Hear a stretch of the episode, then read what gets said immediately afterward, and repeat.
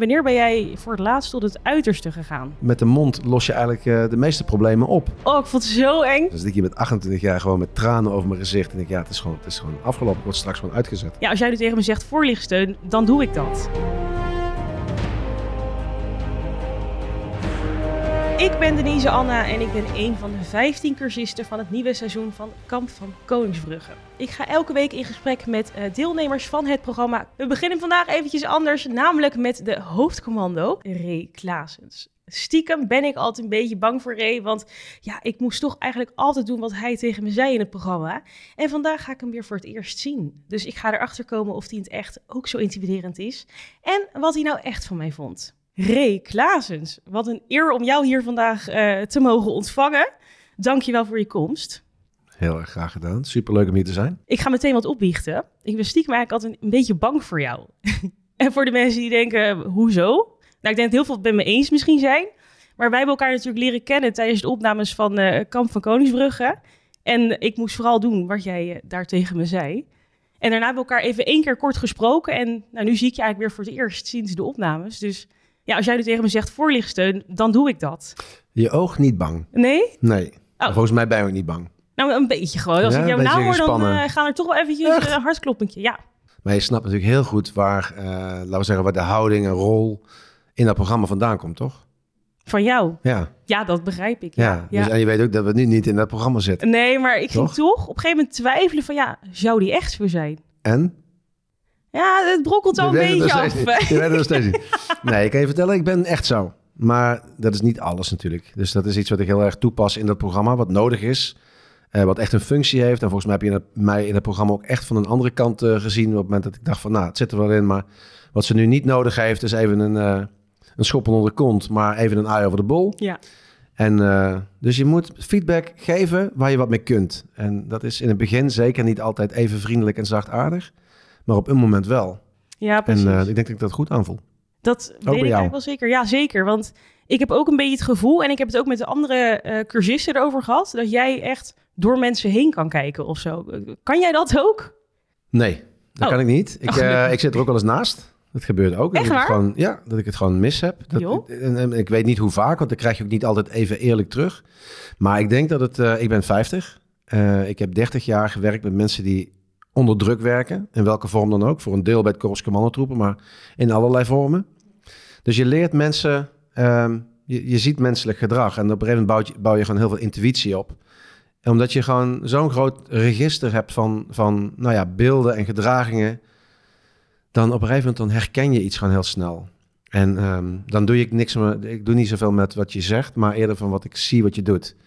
En als dat in lijn is, als jij bijvoorbeeld hetzelfde uit kunt leggen aan mij, en ik zie ook dat je het doet, dan heb je bij mij heel snel vertrouwen gewonnen. En dan heb ik ook een andere manier van coachen.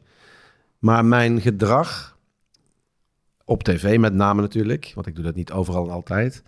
Waarbij ik, uh, wat je dan daar ziet, dat komt voort uit het feit dat mensen zich anders uiten dan wat ze eigenlijk laten zien. En ik wil dat even zo snel mogelijk bij elkaar brengen. Dat ja. ik geen, je moet van mij geen zoete, broek, geen, geen zoete koekjes bakken. Dat heeft niet zoveel zin. Nee, nee, dat heb ik inderdaad ook gezien. Althans, wij allemaal hebben dat gezien in aflevering 1. Uh, dat Astrid, die werd even flink aangepakt door jou. Ja, en, en kijk, het is natuurlijk wat ik daar doe met Astrid. Is, Astrid is natuurlijk een topmens. En als ik nu met haar contact zou hebben en daar zou geen enkel, geen graantje van overblijven. Alleen wat ik daar heel snel duidelijk wil maken aan iedereen die dit programma kijkt, is dat, ja, als jij fysiek zo zwaar hebt na 10 minuten, dan verdoe je eigenlijk een beetje de tijd van, uh, van ons. En daar kun je niks aan doen, daar ben je geen slecht mens door, helemaal niet. Alleen in het programma ga je dat nooit redden. Je gaat die standaard nooit redden. Dus we hoeven niet in je te investeren. Ik hoef je niet te laten groeien, want de basisvoorwaarden van fysiek in orde zijn is er niet. En dan moet je dat even laten voelen. En, dat, uh, en ik wil eigenlijk niet zozeer dat ik het tegen je zeg, maar dat je zelf constateert van, nou, dit, dit, dit, dit gaat niet. En dat, dat doe je op die manier. Dus de feedback die ik daar geef, is eigenlijk om de potentie die zij niet heeft, bij haarzelf eigenlijk binnen te laten druppelen van, ik kan dit niet. Ja. En dan wil ik gewoon dat je geen blessures krijgt, dat je niet teleurgesteld raakt. Ga ik je ook niet een dag langer meenemen. Het, nee. het heeft gewoon geen zin. Nee, nee, ze had het volgens mij zelf ook vrij snel wel door van... Zeker. En ik wist het echt na, nou ik zei zeven minuten, maar ik denk dat ik het na twee minuten al wist. Ja, echt? Ja. Na twee minuten zag jij dit ja. al? Ja. Wow. ja. En dan heb ik het niet over het omkleden, want dat is dan tot daar. Toen, Oh. Het, als je gaat lopen en je ziet dat er, uh, dat er gewoon een ruimte valt uh, in twee minuten tijd, dan weet je gewoon, dit, dit wordt hem niet. Nee, dat trekt dan ook niet meer bij dat je, nee. nou, die mij moet even inkomen. nee. Hè? Wel als je zou gaan hardlopen, hè, want dan de ene loopt minder hard dan de ander, dat is prima. Maar dit gaat dan met een zandzak, door de klei, met oh. wat oefeningetjes. En dan weet je gewoon van, ja, dit is, uh, die schiet gewoon echt te kort. En er is altijd iemand de zwakste. En het is niet zo dat er iemand uit moet omdat iemand de zwakste is. Maar als je gewoon niet mee kunt, ja, dan houdt het op. Dan houdt het op. Ja. ja het was een uh, heftige eerste aflevering. Denk ik ook, ja. Ik heb ook naar mezelf zitten kijken en ik dacht, ben ik dit? Echt, Jij was het? Ja, niet normaal. Gewoon, ik ga op standje aan. Een of andere focusblik komt er naar boven en gaan. Dat ik dat ben. Ja, ik moet er nog van bij komen hoor. Ja, nee, je was het. Je hebt, uh, nou goed, ik weet niet hoe je er zelf naar kijkt. Maar het is natuurlijk een beeld met, uh, nou ja, veel... Expressie in gezichten, modder, kou, uh, heftige beelden van uh, Damien en Julian. Ja, waar mensen natuurlijk ook weer allerlei labels op uh, willen plakken. Hè? Van is het niet te gek en zo. Ik denk, ja jongens, het is, het is niet zwaarder dan op een grasveld in de ruk van hei. Het ziet er anders uit. Ja. En tegelijkertijd, ja, die kou als je geen vet hebt. Ik bedoel, een commando-lichaam heeft echt wat vet. Ja. Maar je moet gewoon tegen die kou kunnen. Klopt. Dus 6% vet, dat gaat je niet helpen. Nee, nee, ik heb het van dichtbij uh, gezien. Maar ja, dat is echt uh, moeilijk. Dan. Ik was nog heel even benieuwd, zeg maar, op het moment dat bijvoorbeeld Damien oud gaat of Julian ging oud. Ik was van binnen, dacht ik echt, oh my god, wat gebeurt hier? En jij was heel rustig, nou even staan, hup, hup, hup. Schrik jij hm. dan niet van binnen dat je denkt, oh jezus. Nou, ten eerste herkennen we het. Hè? Het is niet de eerste die, uh, die, oh, die, gewoon zoveel last krijgt van de kou. Uh, ten tweede, we hebben medische ondersteuning. We zijn alert. We letten echt wel goed op op iedereen. En wat we volgens mij, uh, nou, laat ik het even bij mezelf houden. Wat ik voor taak heb daar, is te zorgen dat de focus blijft op wat zijn we aan het doen. En dat niet iedereen in één keer in een soort paniekmodus schiet. Daar hebben we allemaal niks aan. Al zou er echt wat aan de hand zijn, heeft dat nog geen zin. Nee. Er zijn twee, twee mensen bij. één medisch expert en iemand die het programma bewaakt. Laat hen gewoon doen wat ze moeten doen. En de rest haal je uit die situatie. Dus bij een ongeluk ook. Als ik op een snelweg zou komen, er gebeurt een ongeluk. Het heeft geen zin om met z'n twintigen in de paniek te schieten van wat erg. Nee, klopt. Nee, er zijn er drie die moeten werken en de rest moet even wegwezen. Ja. de politie ook, hè, als je dat ziet. Dus, Is dat zo? Ja, je probeert gewoon de controle te houden, de organisatie zo goed mogelijk te houden en alle overbodige ballast, alles wat geen focus, niet bijdraagt aan focus, wegwezen. Wegwezen. Ik hou ervan die, uh, dat je zo lekker direct bent. Uh, Ray. Ik vind het zo grappig om jouw naam zo te noemen. Is leuk, hè? ja, kan ik eindelijk een keer gewoon zo... Nee, normaal doen. Uh, ja, even in plaats van uh, instructeur. Of, uh, Denise. Ja. Um, Kamp van Koningsbrugge. Je noemde het net al eventjes. Voor de mensen die het niet kennen, kan me die voorstellen eigenlijk. Maar goed, ze zijn er nog. Wat, wat is het programma precies? Wat houdt het in? Ja, er wordt aan 15 mensen die bovengemiddeld fit zijn wordt de kans geboden om met een, een, droom die ze misschien hebben of een gedachte die ze hebben van zou ik het in me hebben om commando te worden? Zonder dat ze ooit militair willen worden. Ze willen ook echt geen commando worden, maar ze willen kijken van zouden ze uit het juiste hout gesneden zijn?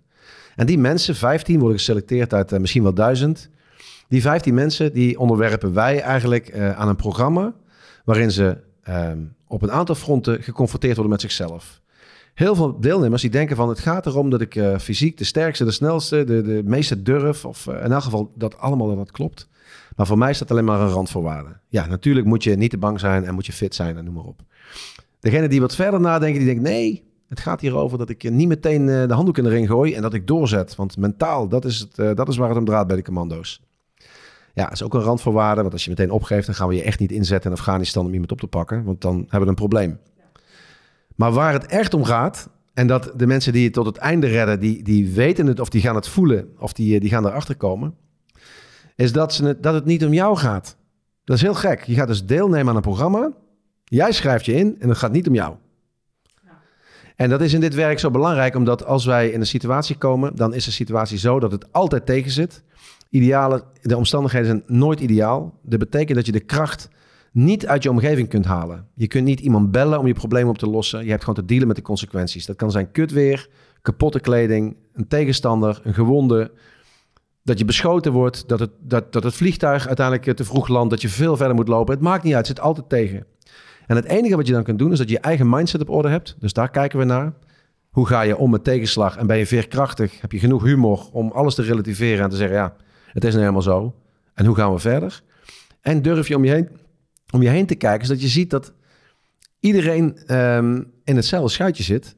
En dat wat jij misschien even sterker in bent, dat je de ander daarmee kunt helpen. En dat het nooit gaat om te laten zien aan mij van de camera in dit geval. Van kijk eens, ik red de tijd. Dat interesseert me echt een roze. Ja. Ik wil gewoon weten of je die extra reserves in durft te zetten. Voor je maatjes om je heen die het gewoon slechter hebben. En of het dan gaat om dat je je eten weggeeft. Of dat je zegt van hé, hey, laat mij die, die hondenwacht maar doen. Dan kun je even een uurtje extra pakken. Maar dat gedrag, dat is wat maakt of je commandowaardig bent. Ja. En dat, uh, daar letten wij heel erg op. Ja, ja. En als ik bijvoorbeeld. En ook kijk... als niemand kijkt, hè? Dus niet Ja. voor de camera, maar ook als, als het gewoon iets wat moet in jou zitten. Met wat voor ben jij nog gesneden?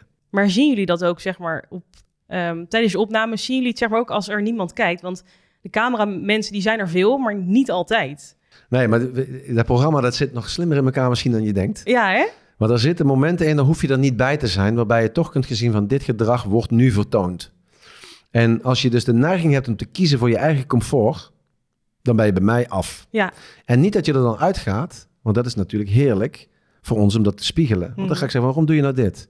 En als je vervolgens laat zien dat je begrijpt dat je iets verkeerd gedaan hebt en je geeft het toe, daar had ik het er straks ook over. Als Ja. je gewoon vertelt van ik voel dit en ik zeg het ook eerlijk, dan blijf je misschien wel na twee, drie van dit soort fouten er nog steeds in. Maar je moet wel laten zien dat je het uiteindelijk gaat doen. Ja.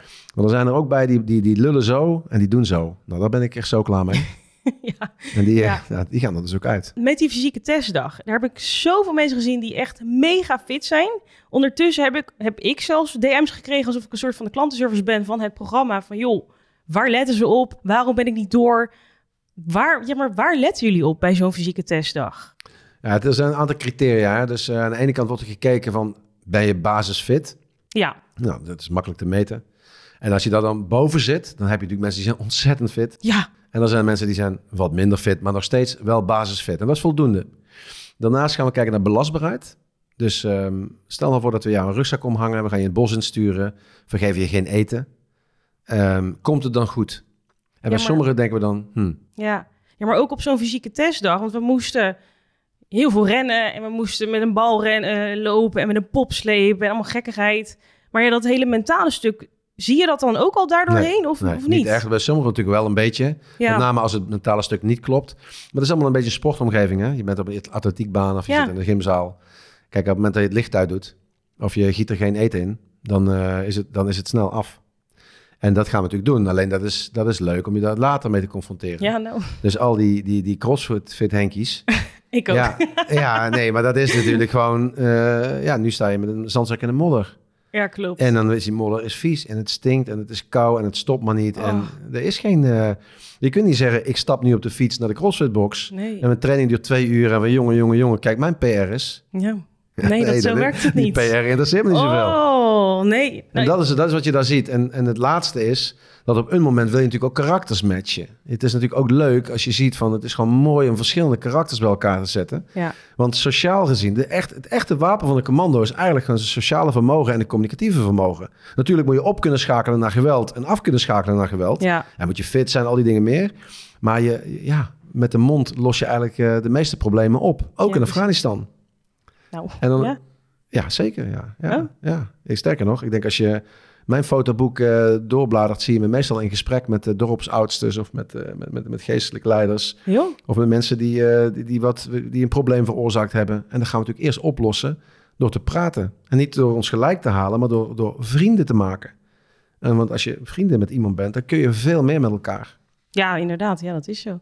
Ik dacht altijd van, je gaat op missie en je gaat volle bak, eh, let's go, wapen hier. En, eh, Maar dat is het mooie. We, we noemen wel eens adaptiviteit. Dus aanpassingsvermogen is, is, is, is zo belangrijk. Het is natuurlijk niet alleen maar communicatie. Het is niet alleen maar geweld. Het is niet alleen maar ehm, dat je uit een vliegtuig springt. Nee, er is altijd een doel, een effect wat je teweeg moet brengen met heel veel afbreukrisico. Met een klein teampje strategische impact maken in een gebied waar je niet welkom bent. Want iedereen staat je naar Ja. het leven als je daar rondloopt. Nou, dus al die dingen die ik net zeg, die hebben dus bij te dragen aan dat effect. eh, zodat je en succesvol bent en met elkaar heel uit wat terugkomt. ja, ja, ja. En als we hem eventjes kijken zeg maar, naar ons seizoen of onze groep. Ja. Wat dacht jij, of wat waren jouw verwachtingen van tevoren over ons 15 cursisten? Kijk, ik heb je natuurlijk voor de eerste keer bij het monument gezien. Dan kijk je iedereen aan. Dat is ook altijd wel leuk, hè? Dan laat je je Oh. ogen een beetje langs die Ik mensen was gaan. aan het trillen op mijn benen. Oh, ik vond het zo eng. Ja, Ja. ik kan me voorstellen als je daar staat. Want ja, je weet natuurlijk niet wat je te wachten staat en Nee. zo. Nee. En voor mij is het even kijken van wat, wat zie ik? En wat dan altijd opvalt is dat iemand die is soort van... die even gewoon oogcontact vasthoudt. denk ik van, oh, dat is interessant. Ja, dat durfde ik niet hoor. Ja, maar, oh, maar ik zou zeggen, dat heeft niet, het hoeft niet, het heeft geen functie. Maar als iemand dat doet, dan denk ik, oh, dat zegt me wel iets. Oké, ja. En onderling contact, dus als je gewoon aankomt lopen en er is gewoon een gelegenheid om nog even wat lucht eh, te halen. Wie praat er met wie? Wie houdt stil? Wie is gefocust? Dus dat, dat zie je dan. Oh. Maar wat ons opviel eigenlijk na dag één al, is dat jullie bovengemiddeld en misschien wel als eerste heel snel een, een, iets van groepsvorming hadden. Ja, En dat zegt iets over de fijne karakters. ja. Het zegt misschien ook iets over het programma. Maar dat, eh daar hebben wij heel fijn gevonden. Wij vonden het een hele leuke groep om mee te werken. Oh, echt waar? Ja. Oh, wat leuk om te horen. ja. En dat zit hem in karakters, in mensen, Ja. eigenheidjes. Ja, maar het zijn ook oprecht, stuk voor stuk, zulke leuke mensen. Ja. Maar, wij hebben nu nog steeds elke dag contact. Ja. Kijk, met de een heb je wat meer contact met de ander, maar als geheel, als groep, Ja. we zijn zo hecht. Het is gewoon echt een vriendengroep die ik erbij heb gekregen. En wat je zegt, het was op inderdaad dag twee was het al zo. Want dag twee is natuurlijk gisteren op, eh, op televisie geweest. Ehm, zeg maar, we hadden het zo koud. En dat zie je dan niet op beeld, maar we stonden echt te knuffelen al. En helemaal van, eh, moeten eh, zeg maar in te praten bij elkaar. En het was al meteen heel hecht. Ik wist al van, nou, met deze mensen, nou, dit, dit gaat helemaal goed komen. Ja, en dat hecht worden, dat kan omdat je dus met elkaar eh, nou, gewoon weerstand biedt tegen het programma, tegen ons, tegen de ellende waar je in zit. Hè? De kou, de zee, eh, de, de shit eigenlijk. Ja, En doordat jullie dat doen, word je hecht. Zo worden diamanten ook gemaakt. Hè? Dus eh, die worden gewoon onder grote druk, word je hecht. ja, En als je daar niet in past, dan val je er dus ook uit. Dus als je niet meedoet. In het vorige seizoen was het zo dat die mensen best wel lang gedaan hebben om die spanning die ze in zich hebben om het goed te doen, die weerhield ze er eigenlijk van om cohesief te worden met elkaar, om echt naar elkaar toe te trekken. Want er zit nog iets tussen, letterlijk. Dat is namelijk Ja. jouw spanning. En dan verbind je niet, want dan ben je veel te veel met jezelf bezig. En dat is soms moeilijk om dat los te maken. Het is uiteindelijk wel gelukt, want op een gegeven moment dan, eh, dan gaan er een aantal mensen weg die dat een beetje tegenhouden. En dan, eh, ja, dan komt het toch wel weer goed. ja, Maar dat is voor ons natuurlijk prachtig om dat te zien. En dat bedoel ik dus met sociaal en communicatief. Ja, je moet dus wel uit durven spreken wat je voelt naar elkaar. En als je dat doet, dan geef je vertrouwen aan, aan de mensen om je heen. En Ja. dat verbindt. Dat maakt van extra laag aan. En zeker. daar gebeuren echt hele mooie dingen. Anders staan dus ook vriendschappen. Nou, ja, precies. En die hebben precies. jullie gegarandeerd daaraan overgehouden. Ja, honderd. Ik had ik kippenvel van. maar ik denk dit is zoals dat werkt. Ja. En dit gun je dus ook het bedrijfsleven. Want het kan namelijk. Alleen mensen doen dat niet, omdat je vaak voor jezelf kiest. Maar jullie hebben voor elkaar gekozen Ja. en dan doe je dat. Mijn volgende vraag. Ik ben er een beetje bang voor. nee, grapje. Nee, wat, wat was jouw eerste indruk eh, van mij?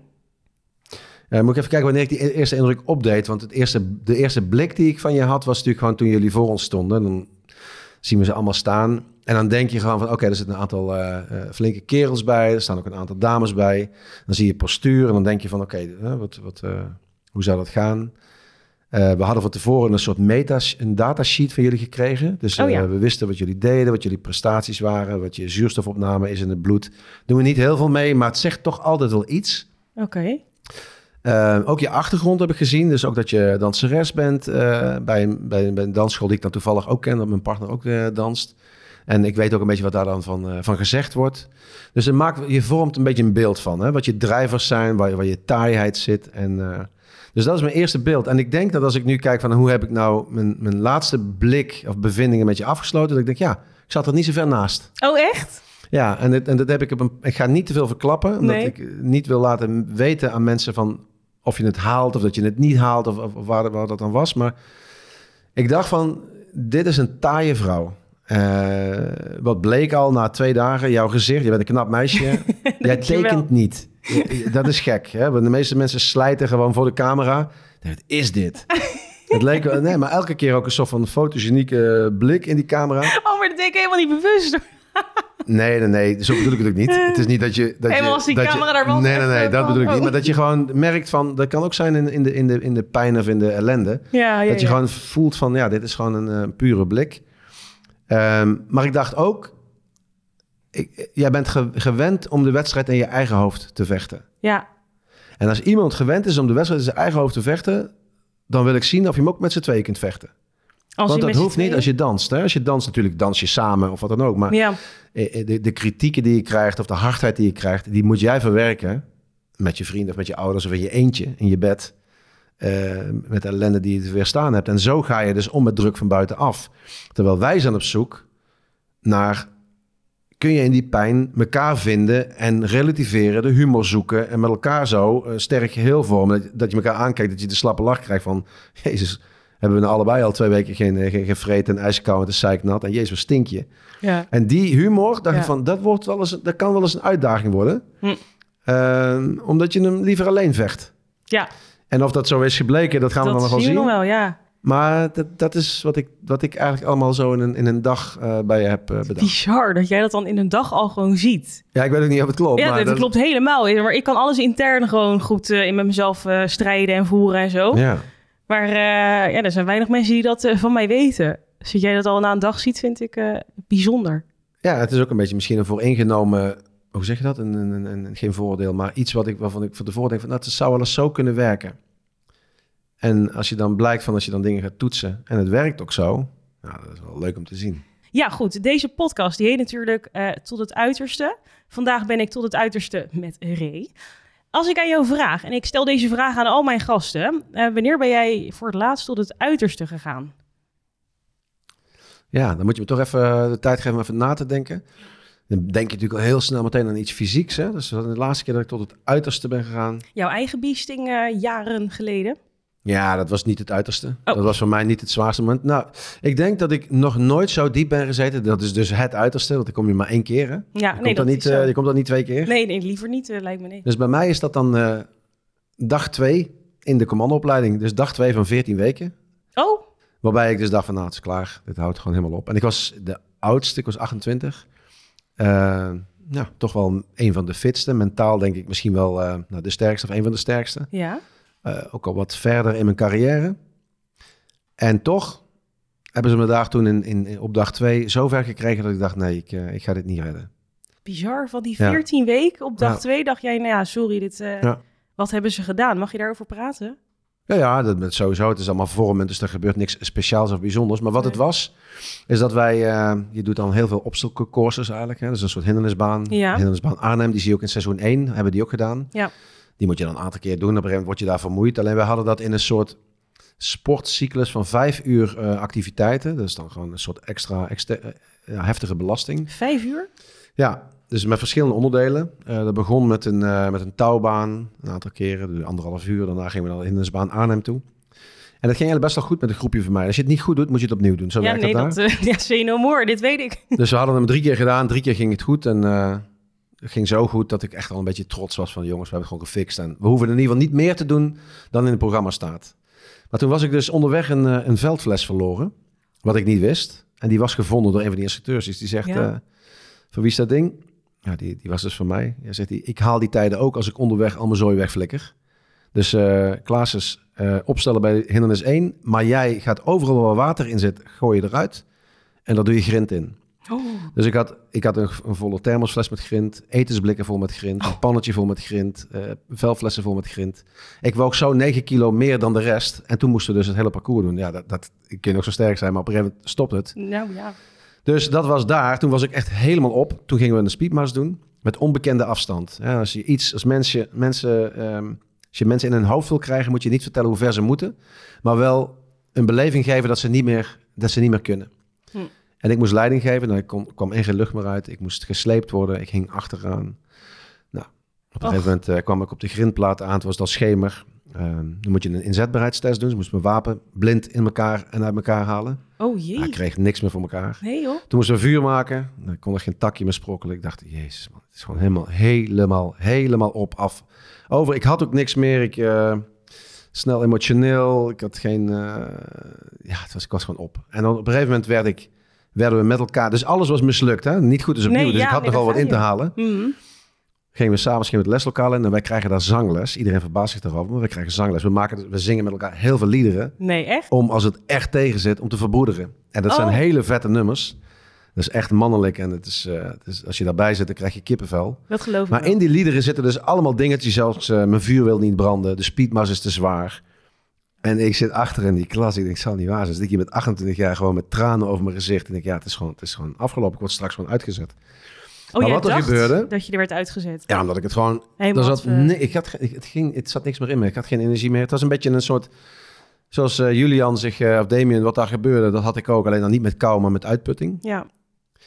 En toen uh, werd ik s'avonds door de commandant van de ECO, zeg maar, mijn rol. Die, die man die haalde me toen apart, Henk heet die, Henk Heezakkers.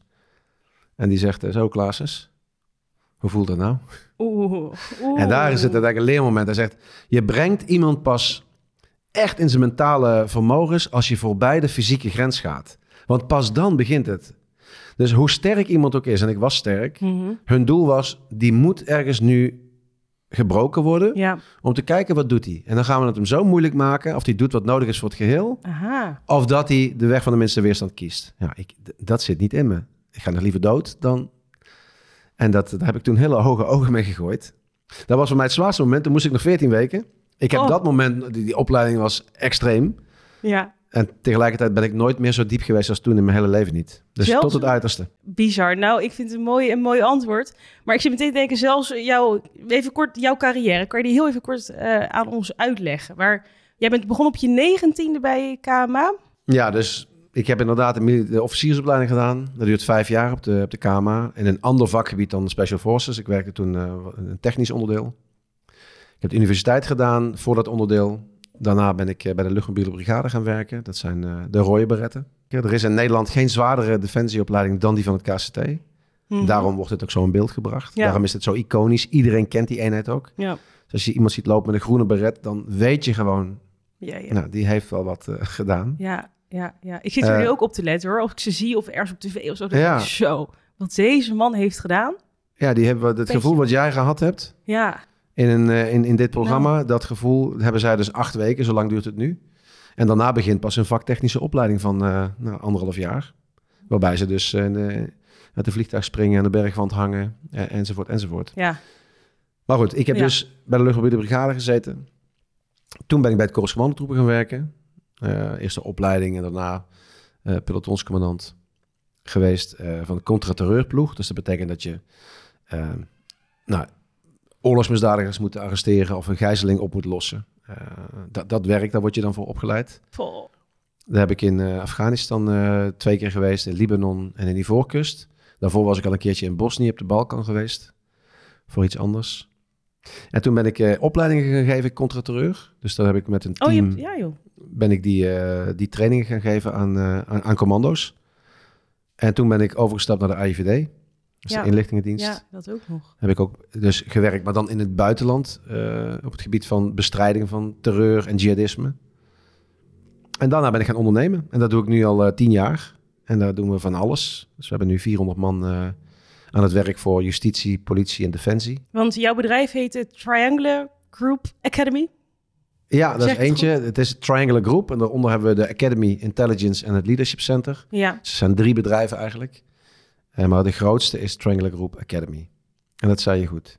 Er zijn er niet veel die dat meteen goed zeggen, maar jij wel. nee, maar even over jouw verleden. Het is echt bizar. Ik heb alleen maar, ja, alleen maar diep respect voor jou dat jij dit allemaal hebt gedaan.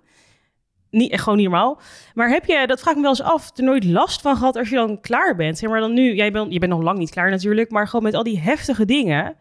Dat je dan op een gegeven moment kom je thuis en je gaat, even, je gaat heel wat anders doen. Zeg, je onderneming heb je nu, of je ondernemingen. Je hebt een boek uitgebracht, je hebt een theatershow. Daartussen, is er niet een soort van zwart gat of zo waar je, waar je invalt? Of, Nee.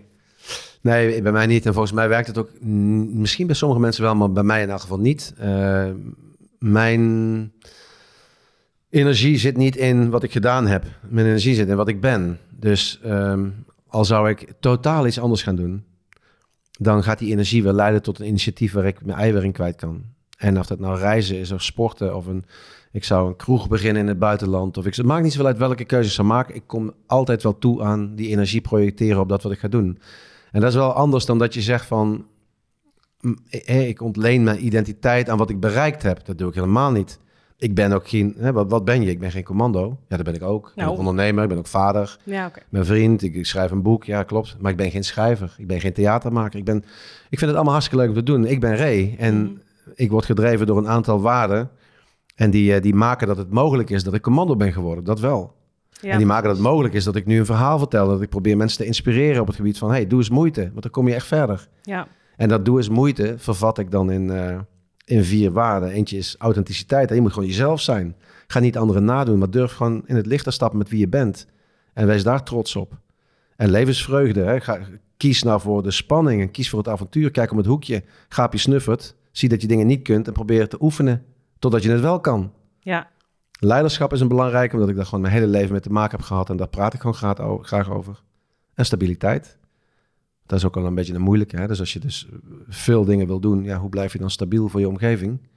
Ja, hoe, ja. hoe blijf je een rots in de branding en hoe zorg je ervoor dat je ja, dat je niet in zeven sloten tegelijk loopt. Nou, dat vraag ik mij oprecht wel een beetje af bij jou hoe je dat allemaal combineert. Want ja, je hebt soms ook wel. Alles tegelijkertijd. Twee programma's die zijn net allemaal op televisie gekomen. Dat kost geen moeite, hè? Die zijn al opgenomen. dat is al gedaan. Maar goed, dat komt nu ook even, die hele hijzer komt nu waarschijnlijk ook wel weer op je af. Dat met name, ja. Uh, je boek, die is net uitgekomen, Groeipijn. Ja. Nou goed, die hoef je nu ook niet meer te schrijven, maar ook weer ook geschreven. Heb ik samen met iemand gedaan. Heb je dat samen? Ja, dus ik heb een, uh, een, een, vriendin, dat is een vriendin geworden, die heeft het boek geschreven. Die kent Defensie heel goed. Die heeft mij ontzettend goed leren kennen. Sterker nog, als ik het boek lees, leer ik mezelf nog wat beter kennen. Dat is, uh, ik heb het natuurlijk wel geredigeerd en de, de, het verhaal is wel echt mijn verhaal. Ja. Maar zij heeft, zij heeft zeg maar, het echte schrijfwerk gedaan. Ja, oké. En ik uh, ben, nu, ben het nu in aan het lezen. En dan denk ik van ja, dit is wel echt wat ik ben, of wie ik ben. Ja. Ja. ja. ja, ik ben hem nu ook aan het lezen. Ik ben er nog niet doorheen, moet ik zeggen, want hij is pas een paar dagen binnengekomen. Ik vind het een hartstikke mooi boek, heel interessant. Waarom heb jij hem geschreven? Wat, wat dacht je van, nou, ik... Uh... Nou ja, jij zegt net van dit heeft tot het uiterste gaan. En mensen als ze mij nu zien, hè, dan mag ik dan bij jou bijvoorbeeld, uh, mag ik iets vinden van je gedrag. En uh, omdat ik dat mag zeggen en daar mag staan, zeggen mensen van, nou, zo, die, die Ray, die, die snapt het wel. Ja. Die heeft vast hele spannend. Eigenlijk wat je, wat je zegt. Ik heb respect voor je. Je hebt zoveel gedaan. En hoe krijg je het voor elkaar? Ja, fantastisch natuurlijk. Leuk om te horen. Maar dit is gewoon een soort snapshot van wie ik nu ben. Dan krijg je allemaal krachtige labels eromheen omdat het goed gaat. Maar dit is niet, dit is niet logisch dat ik dit zou zijn geworden. Want dan moet je weten waar ik ben geboren. Ja. En dan moet je weten uh, hoe ik vroeger was. Want ik, ik kwam altijd te laat thuis. Ik kwam nooit op tijd, maar kwam nooit mijn afspraken na. Ik, ik, loog alles bij elkaar omdat ik van veel te weinig mocht. Mijn ouders hielden me veel te strak. Ze waren bang dat ik in de criminaliteit belandde. Dus ik, al die dingetjes. Toen dacht ik, maar als dat is wat ik was, als ik 12, 13 ben, 15, en dit is wat ik ben, wat is er tussenin gebeurd dan? Ja. En dat, wat er tussenin gebeurd is, dat staat op dat, in dat boek. En de eigenheid van mij, dus wat ik net probeerde te beschrijven, van mijn gedrag en dat, dat, leren moeite doen en doorzetten en dingen wel doen in plaats van niet. Gewoon de uitdagingen gewoon iedere keer aangaan en erachter komen dat je gewoon niet goed in bent. Op je plaat gaan, wakker liggen, jezelf schamen, soms jezelf schuldig voelen of spijt krijgen. Dat maakt dat je gaat groeien. Ja. En daarom heb je ook groeipijn. Groeien, als dat geen pijn doet, groei je niet. Dan hou je jezelf voor de gek of je praat maar wat. Ja, precies. En ik wil mensen dus met dat boek inspireren van als ik het kan, kijk maar waar ik vandaan kom. Hoezo zou jij dat dan niet kunnen? Alleen je, je stopt de moeite er niet in. Nee, precies. Want ook de, zeg maar, dat stukje discipline, ik las het in je boek. Je had het, vroeger had je dat nog niet, maar als kind zijnde, je was gewoon heel rebels en ja, dat. Maar wanneer heb je dat um, ja, een soort van eigen gemaakt? Want jij, je hebt nu een ijzeren discipline. Ja, ik, niet alleen nu, dat had ik uh, 20 jaar geleden en 25 jaar geleden ook al. Het is ontstaan, maar mijn kantelpunt is denk ik zo van 17 tot 23. Dat is een beetje de fase waar ik gevormd ben tot wat ik nu ben toen, ik kon nog niet wat ik nu kan. Mhm. Dat heb ik moeten ontdekken. Ja. Maar ik ben op een gegeven moment achteraf, uh, ga, ben ik erachter gekomen dat, dat dat groeien kent altijd een proces. En in het proces zitten eigenlijk drie momenten die gaan maken of het lukt of niet. En het eerste moment is dat als je een uitdaging hebt, en dat kan, dit gaat dan over commando worden, maar, of onder andere over commando worden, maar het kan ook gaan over, je vindt een meisje leuk of een jongen leuk. Ja, ga ik hem aanspreken om een bakje te doen of om uh, whatever te doen? Ja. Of doe ik het niet? Er zijn natuurlijk heel veel mensen die doen het gewoon niet. Ja, maar dan gaat er daarna niks gebeuren. Dus doe het nou eens gewoon wel. En op het moment dat je het wel doet, ja, dan zie je dat je een blauwtje loopt, of het lukt wel, of, het lukt niet. Maar doordat er iets gebeurt, leer je. Ja. En als het goed gaat, leer je eigenlijk niks. Nou, dan weet je alleen dat je het goed gedaan hebt, of dat het toevallig matcht. Dat is ook zo met een baan of met een onderneming beginnen. Maar als het verkeerd gaat, dan voel je je kut. Ja. Dan ga je naar bed toe, heb je een beetje een knoop in je maag, dan draai je op je zij, duimpje in je mond, begin een beetje te huilen. Maar dat gevoel, dan ben je aan het groeien. Alleen niemand wil het zien. Dat is groei. Want in je hoofd wil je dat moment nooit meer hebben. Dus je, je hersenen die gaan denken van... wat moet ik anders doen? Had ik, was mijn openingszin verkeerd? Moet ik misschien volgende keer toch uh, meer geduld Maakt niet uit wat je denkt, maar daar zit groei. En volgende keer is je gedrag anders. Dus iedere keer als je iets doet wat niet werkt... pas jezelf aan. En ik geloof erin dat dat groeien is. En dat het dus altijd iets gepaard gaat met frictie... of met, met een vervelend gevoel. En als je dat gaat herkennen, dan weet je dus, als ik iets ga doen, ik weet nog niet precies hoe het eruit ziet. Op een gegeven moment kom ik op een punt aan dat je echt denkt van, wat ben ik aan begonnen? Ja. En in dat punt, is het tweede punt, dan wil je eigenlijk opgeven. ja. Nou, hoeveel mensen zeggen, nou, laat maar, Laat maar. Nou, werkt niet. Ik denk echt oprecht, bijna dat iedereen zo denkt. Ja. Misschien wel 99% Laat maar. van de mensen, ja, laat maar. En wat er dan gebeurt, is je denkt, laat maar, stap je eruit. En Ja. dat is het zaadje van spijt. Ja, daar komt het. Ja, Spijt, Ja. en dan kijk je terug. Als je bijvoorbeeld, eh, nou, er zijn er wel geweest in het programma die zeggen, ik kap ermee. is klaar, ja. ja. Nou, kijk, Nou. kijk je een maand later terug, denk je, jeetje, waarom ben ik niet doorgaan? Ja.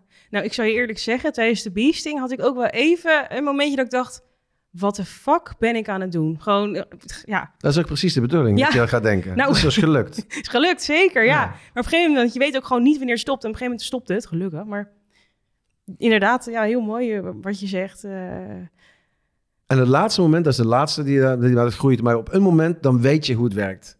Ja. En als ik weet hoe het werkt, dan kan ik laten zien van... hey, zo werkt leiderschap. Kijk, mij eens een goede leider zijn. Of ga ik dan anderen leren hoe het werkt? Zodat je uiteindelijk, dat weet je, die kennis die je hebt... dat je die ook overdraagt aan anderen. En dat is eigenlijk wat we met Kamp van Koningsbrugge doen. Ik weet hoe dat werkt met dat stukje mentaal en doorzetten. En, en het is een beetje een gekke opmerking... maar als je voelt dat je wil opgeven... dan is dat het moment dat je door moet gaan. Ja. En dan komt het goed. Als ik dat weet, kan ik het jou ook leren. Alleen ja, dat gaat niet de op jouw manier. Dat gaat natuurlijk op de manier waarvan ik zeg, en zo ga ik dat bereiken. Ja. ja en dan precies. kom je dus ook heel ver met elkaar. Ehm, ik zie hier trouwens nog iets op tafel liggen. Een touw met een, een houtje. Kan je ons even meenemen in wat Een touw met een houtje. Denise. Ik heb Oh. buiten... Ja, wat, wat doe je nou? nee, kijk, dit is, dit is inderdaad een touw met een houtje. Maar dit, eh, dit is een tokkel, noemen we dat. Een tokkel, Oh. eh, dat is eigenlijk een Engels woord. T-O-G-G-L-E, tokkel. Ja. En dat is ehm, samen met de mutsdas. Dat is een heel typisch mutsje wat wij dragen in de commandoopleiding. Dat droeg ik dus 14 weken bij me. Mhm. En dat zijn eigenlijk attributen die totaal geen functie meer kennen, maar precies puur traditioneel zijn. Dus iedereen die de commandoopleiding begint, die krijgt die twee attributen uitgereikt. En daar loop je dus altijd mee. Daar slaap je mee, daar, daar zwem je mee, daar, daar, daar, daar doe je alle opdrachten mee, daar lig je mee in de put.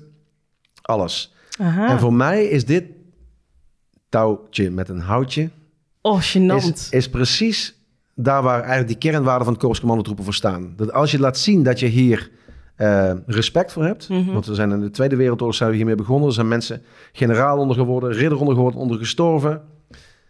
We dragen het allemaal, dus als ik het gedragen heb en voor mij zijn er misschien wel 5, 6, 7, 8000 commando's geweest die het ook gedragen hebben. Mhm. Wat stelt mijn pijn nou eigenlijk voor hier?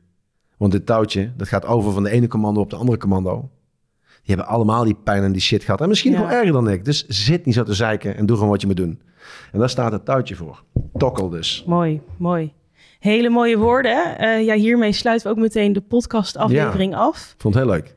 Dankjewel. Ik vond het ook super leuk om jou eh, te gast te hebben. Ehm, wat zou jij de mensen die luisteren en die kijken nog willen meegeven aan levensles of een hele een wijze les die als eerste hier opkomt? Ja, ik, dan komt er meteen een spreuk eh, bij me op die ik vaak roep. En als je bent wat je doet. Oh ja. Dat veel mensen gewoon eens dingen moeten gaan doen. Durf het eens aan te gaan. Praat er niet te veel over. Zeg niet, ik had wel dit of ik had wel zus. Want daar heb je later geen mooie verhalen bij een kampvuur. Daar ga je ook niet verder mee komen. Dan leer je ook niet wat het is als het eens een keer niet lukt. Dus ga gewoon meer doen. En eh, jullie, jij hebt ingeschreven Kamp van Koningsbrug. Je bent het gaan doen. Je hebt gezien hoeveel pijn het doet. Maar je hebt een herinnering, herinnering voor je leven. Mocht je ooit kleinkinderen krijgen, dan ga je ze vertellen hoe dat toen was in 2024 of 23. Ja, het, Ja. Is gewoon, het is gewoon dingen doen levert altijd iets moois op. Mooi, mooi gezegd. Ray, dankjewel voor vandaag. Alsjeblieft. Vond het Eh, heel leuk. Vond ik ook, dankjewel. Voor alle luisteraars en kijkers ook heel erg bedankt voor het luisteren. Ehm, vergeet Ray ook niet te volgen op alle social media. Op Instagram ben jij vooral actief. TikTok, eh, Ja, ik heb een account, maar jongens. ik zou zeggen, volg me op TikTok. leuk. Ja, is toch even leuk. Wel leuk. Zou wel, ja. Nee, Ja, moet je altijd weer doen. En dan zie ik jullie weer in de volgende aflevering.